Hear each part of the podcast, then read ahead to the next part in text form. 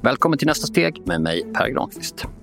Det här är en podd som handlar om att befinna sig i tillväxt. Om den där dubbla känslan att säga att allt går kanon när någon frågar, men samtidigt känna att det man bygger är på väg att gå sönder. Och ibland blir det särskilt tydligt. Som när man precis känner att man har lite flyt, att man är på väg att ta det där nästa steg, men så visar sig att verkligheten lagt ut en snubbeltråd. Coronaviruset och den oro det skapat i samhället är en sån snubbeltråd. Den inträffade när nästan hela första säsongen av den här podden var färdiginspelad och det ledde till att vi sköt på premiären en månad. Nästa steg är inte en podd som kommenterar aktualiteter men samtidigt vill vi spegla hur några småföretagare reagerade och agerade i krisen. För även om de tre företagare som vi pratade med i mars var drabbade och oroliga så förmedlar de också en handlingskraft och ett sunt förnuft och det ville vi på redaktionen förmedla. Därav detta bonusavsnitt här och nu samtidigt som vi släpper det första avsnittet. Det avsnittet hittar du också här i appen. Och när du ändå är inne och rotar, klicka följ och prenumerera så missar du inga av de kommande avsnitten. Okej, hörs jag? Testing, testing. Jajamän, det låter bra. Varsågod. Tack. När jag spelar in det här är det den 17 mars. Det är onsdag och nästan alla avsnitt för den första säsongen är inspelade när jag nu befinner mig i studion igen. För nu har världen satts på paus, verkar det som. Coronaviruset har påverkat olika företag på olika sätt och dessutom olika delar av samma företag på helt olika sätt. För en dryg månad sedan, ja, i kanske slutet av februari var det nog, så började vi på vad vi vet att märka en grej. Ja, det är alltså medieföretaget jag grundat och som producerar den här podden. Vi märkte hur det blev trögare att få avslut på olika affärer och sen fick vi inga besked alls. Och nu i mitten av mars när vi spelar in det här har oron lamslagit samhället. Möten blir i bästa fall telefonmöten, i många fall blir de bara inställda. Konferenser avbokas på löpande band Olika företag mejlar och upplyser mig om sina förbättrade städrutiner och säger indirekt att vi bär inte på smittan. Fast egentligen så kan de inte ha någon aning om det. Och när vi väl får tag i de stora företag vi jagat för att få svar på offerter eller förlängda kontrakt får vi nästan alltid svaret nu för tiden att eh, vi får höras när den här coronagrejen lagt sig. Eller låt oss höras om en månad igen och se hur landet ligger då. Och det där är sådana storbolagssvar och det är väldigt frustrerande att höra. Om vi finns kvar då, ja, vill man ju säga. Men jag svarar i något artigt i stil med att eh, ja, ja, men låt oss stämma av några veckor då. Och så tänker jag på likviditeten. Vi har tvingats inse att vi nog inte kommer kunna släppa det första avsnittet av den här podden i början av april som det var tänkt. Frågan är ju förstås, hur länge ska vi skjuta på det? Till hösten? Och jag undrar också, kommer vi finnas kvar då ens? Hur länge man kan hålla ut beror ju på hur god likviditet man har och hur snabbt man kan dra ner sina kostnader till ett absolut minimum. Och om man kan hitta nya intäkter och ersätta de som har fallit bort. När vi väl släpper de första avsnitten av nästa steg så kommer du märka att det inte är en podd som försöker hänga med i nyhetsflödet utan som speglar företagarnas vardag. Men som jag sa så är vi också påverkade av oron som sprider sig. Oron som tycks hota företagen i kanske ännu högre grad än viruset som smittar människor. Och den där oron, ja, den sipprar in överallt i varenda möte. Ja, även in här i studion faktiskt. Min producent och klippare Jens Back är också egenföretagare. Han är inte anställd av oss utan har sin egen firma tillsammans med sin fru. Och i en källare, där finns Stray Dog Studios och det är där vi hyr in oss för att spela in det här. När mm, förstod du att corona skulle drabba din verksamhet? I mitten av mars när eh, företag i stor utsträckning börjar jobba hemma. Och hur går då tanken hos dig? För då plötsligt inser du att intäkterna viker.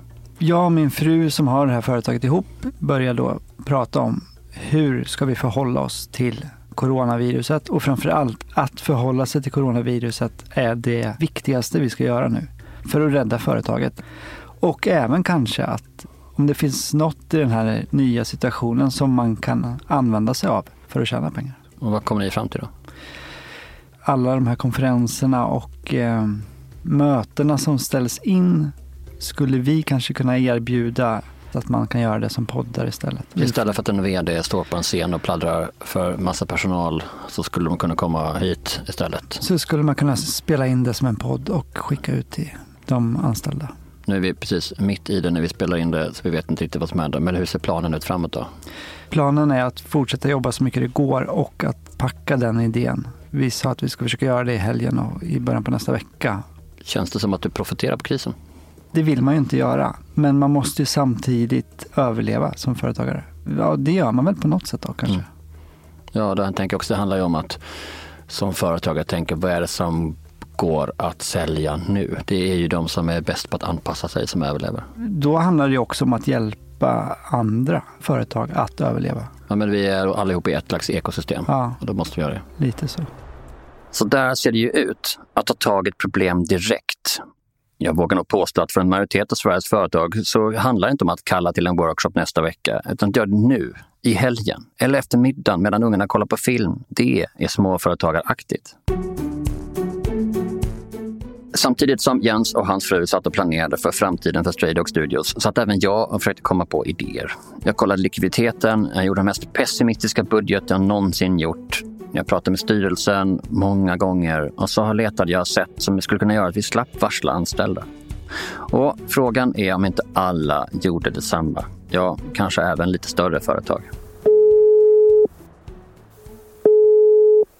Tjena Jonathan. Tjena Jonathan, Per Granqvist. Ja, men hejsan. Jonathan Yukaba är Managing Director för Oxford Leadership, en ledarskapskonsultfirma. Hur är läget? Jo, det är bara bra. Är du själv? Och här ljuger vi alltså för varandra. Läget är inte alls fint, men det är ju sånt man säger. Dels för att man är artig och dels ju för att det sitter i ryggraden hos varje företag att svara så. Men jag ringer Jonathan en söndag, för jag vet att han och ledningsgruppen suttit hela helgen för att komma på en plan för framtiden. Är du trött? Har ni kört hela helgen? Eh, ja, mer eller mindre. Planerar lite. De jobbar alltså med att hjälpa företag att förändra sig, så att jag frågar om coronakrisen då är ett gyllene tillfälle för dem eller om det bara är en förbannelse. Ja, både och. Det finns ju en möjlighet nu för oss att utveckla våra digitala produkter. Mm. Det har ju varit en prio för oss eftersom det rent generellt har, varit mer och mer efterfrågan på en blended learning solution kallas det för. Vad är det att man kan lära sig både fysiskt och digitalt? Precis. Jag menar för att vår, traditionellt sett så har vår verksamhet baserats på konsulter som åker ut och levererar på plats. Och eftersom vi är ett internationellt företag så har det varit väldigt mycket i olika länder över hela världen och konsulter liksom har liksom lite fått eh, flyga fram och tillbaka och så. Nu är det ju totalstopp på det. När ni liksom diskuterat, eh, suttit och diskuterat de här mm. nya strategierna, vad, hur har det varit? Har ni suttit hela helgen? Ja, alltså inte hela helgen, men vi har ju pratat, vi har pratat hela veckan. Så hela veckan har det varit, för vi kände ju, det här kände vi av för kanske, det började ju för ett litet tag sedan när våra klienter började antingen pausa eller skjuta upp våra program som vi har nu bokade för året. Det blir ganska stor press på våra konsulter som kanske har planerat in det här som en, och det blir som en intäkt för dem som inte de kommer få. nu. Så det blir lite osäkert för dem. Men också för oss eftersom vi är en ganska slimmad organisation så det här kommer ju skada oss kortsiktigt. Kanske inte långsiktigt men kortsiktigt får vi helt enkelt acceptera att det här har ja, det här, det här kommer inte vara ett bra år helt enkelt.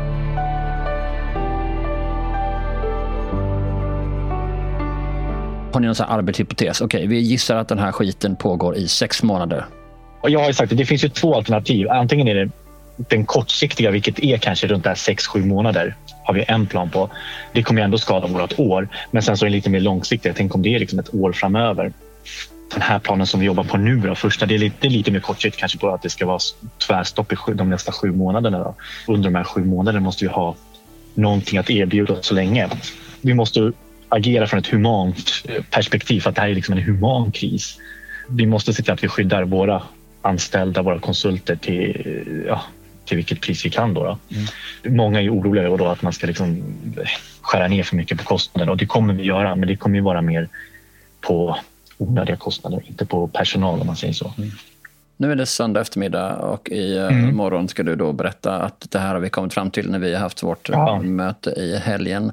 Vad tänker du på när du ska kommunicera det? Oavsett om det är via Slack eller om det är via telefon eller vad det nu är. Nu sitter ju alla och tänker på hur det här påverkar dem. Så som jag leder mitt företag, det är att våra människor kommer först av allt. Vårt fokus kommer att vara att skydda våra anställdas hälsa och eh, vad som man kallar säkerhet. Så att de känner sig säkra. Liksom, vi kommer göra allt för att eh, se till att de, ja, de kommer i första, första hand. Den plan som Jonathan och hans kollegor arbetat fram under helgen går alltså ut på tre saker. 1. Skydda de anställda. Både fysiskt, se till att de inte blir smittade och att göra allt för att behålla dem. 2. Öka intäkten genom att introducera digitala tjänster för nya och existerande kunder. För det är ju alltid lättare att sälja mer till en befintlig kund än att jaga nya. Och 3. Spara så mycket man kan. Att skilja mellan sånt som är nice to have, sånt som är good to have och det som faktiskt är nödvändigheter. Det var någon som sa det, att man inte ska låta en bra kris gå till spillo. Tror du det här kan bli en bra kris? Det vet jag inte. Jag tycker inte det här är så bra där, där människor kommer till skada. Det är väl en mer filosofisk fråga kanske. Ja. Har du något filosofiskt men jag tror, svar? Nej, det har jag inte. Jag menar, det här är och du får, in, du får inte det, säga det här gamla kinesiska krismöjlighet-skiten utan du får något, På något sätt så tycker jag att det här kommer liksom få folk att tänka efter på något sätt. Nu måste man liksom bara fokusera på de få sakerna som har störst skillnad och de som skapar värde för andra. Kort faktaruta här. Det kinesiska tecknet för kris och möjlighet är inte alls samma tecken. Det är totalt snömos. Jag har kollat upp det. Hur som helst, men är det så att ni särskilt riktar in er på att göra, liksom, till en särskild bransch? Jag menar, vi, på vad vi vet som, så, är, så tänker vi nu sen i, i vårt sälj som vi började tappa för någon månad sedan eller så, så vi kände att det var tröga. Så tänker vi, okay, vilka kan ge oss pengar kortsiktigt? Vilka behöver prata nu? Ja, det finns apotek, det finns distansmötesföretag, det finns uh, gym som inte kan göra det, kanske kan sända online. Ja, vi kanske ska berätta att de finns. Alltså, du, man har en sån här lista, ja. vilka är de som är, kan dra nytta av det här nu? Och så skiter vi i de andra. Har ni också något liknande? Ja, inte riktigt, men nu kollar jag på våra nuvarande klienter, de som var i liksom vår pipeline för året. Och det är de vi kommer först bara ha en dialog med, se hur det ser ut för dem. Det är oftast ganska stora internationella företag vi jobbar med. Det skulle i, i princip kunna vara de fortfarande då som är våra som kommer vara våra uh, kunder för våra nya uh, lösningar. Om vi måste liksom göra oss om då måste det vara sista lösningen. Men det, det tror jag att vi slipper eftersom ja, vi har väl lite kapital sparat så att vi, vi klarar oss ett år i alla fall ifall allting skulle ta helt stopp. Hur länge ger ni den här strategin? Då? Det här ni presenterar imorgon, hur, när vet ni om det funkar? Ja, men jag skulle säga inom en månad. Men alla företag har inte turen att ha en krigskassa som Jonathan Yukawa och Oxford Leadership. Så frågan är vad vi andra kan göra och vad vi företagare kan göra för varandra. Mer om det efter det här.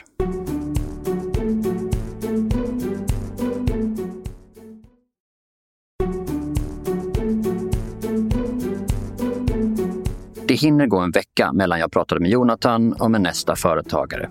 Saker ser inte bättre ut och runt omkring mig hör jag hur många får det allt tuffare.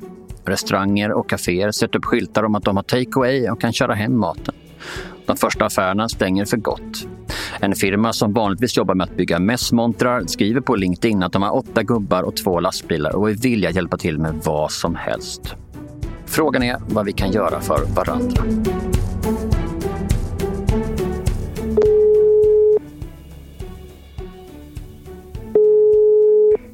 Heter Anna. Hej Anna, det var Per. Hej Per, hur är läget? Har du mycket att göra? Kvinnan med känslan för ironin här är Anna Kleinviks Magnusson. Och nog är det ironiskt att när det plötsligt blivit lite att göra är det också mest att göra. I alla fall för oss som driver företag. Nu är det söndag. Vad är klockan? Om hon är halv nio eller något i den stilen. Har du jobbat mycket i helgen eller? Ja, men det är väl mer att tankar pågår nästan jämt. Och det är inte så konstigt för hon driver två företag. Det ena heter Stockholms skrivbyrå och vi hjälper till med textproduktion. Så att vi har ett nätverk med tusen frilansande skribenter. Så där är ju alla egenföretagare. Vi tar in uppdrag från företag, myndigheter, byråer, kommunikationsmarknadsavdelningar som behöver hjälp med text och sen matchar vi med en skribent som passar för uppdraget. Men vi skriver också själva. Vi är tre copies eh, eller skribenter som jobbar på byrån. Mm. Och sen så har jag, det har då knoppat av knackrekrytering för att vi har märkt att vissa behöver inte bara hjälp med text utan de behöver hjälp med en konsult eller till och med med en rekrytering. Så att vi har konsulter och gör rekryteringar på knack. Men vi är nischade inom kommunikation och marknad så det är mycket digitala kommunikatörer som vi sysslar med. Och i mitten av mars så slutar uppdragen komma in som vanligt. Ibland kan det vara så att det är lite lugnare någon vecka men det känns som att allt har fryst nu. Jag, jag förväntar mig inte att det ska rasa in uppdrag imorgon om man säger så. Så jag frågar vad hon ser möjligheterna nu, hur hon måste styra om verksamheten. Dels så tror jag att eh, många samhällsfunktioner skulle kunna behöva ha hjälp med ren textproduktion. För att det är ju väldigt mycket information som ska ut nu så det tänker jag att det är väl kanske en sak där vi skulle kunna hjälpa till. Och sen tänker jag för Knacks räkning att eh, det kanske finns eh, verksamheter som behöver stöd av en konsult som är van vid att jobba på distans men som snabbt kan sätta sig in i liksom en krisig situation och komma både med råd och hjälpa till med produktion när det gäller kommunikation. Fördelen som Anna har är att en majoritet av hennes produktion görs av frilansare och det innebär att hon slipper ansvara för dem i dessa tider. Eller? Jag är förtjust i frilansupplägget eftersom jag själv är frilans från början. Sen fick jag så mycket uppdrag så att det blev liksom en byrå. Men eh, det är viktigt för mig att man ska kunna leva som frilans, att man ska kunna liksom ta betalt och att man ska kunna skapa sin egen trygghet eftersom vi inte får så mycket hjälp av samhället så just när man frilansar och inte har trygg inkomst på det sättet. Anna har bestämt att de ska halvera sina arvoden för att få hjulen att fortsätta snurra. Men är det inte så där att man skäms lite och säger att nu kan vi acceptera det här? Alltså det är någon slags stolthet, eller? Ja, men jag känner inte det.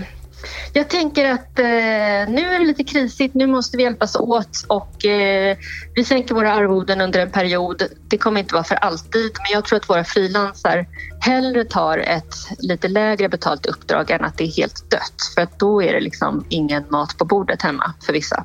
Men kommer du sälja in det så eller kommer du sälja in det så att vi förstår också att du kära kund har lite tajtare? Ja, både och kanske. Jag funderar lite grann på det där. På ett sätt kan jag tycka att det är lite skönt att vara helt öppen med att så här ser det ut. Om du tycker att det vore kul att vi finns kvar även efter sommaren så får du gärna anlita oss. I gengäld går vi ner lite i pris.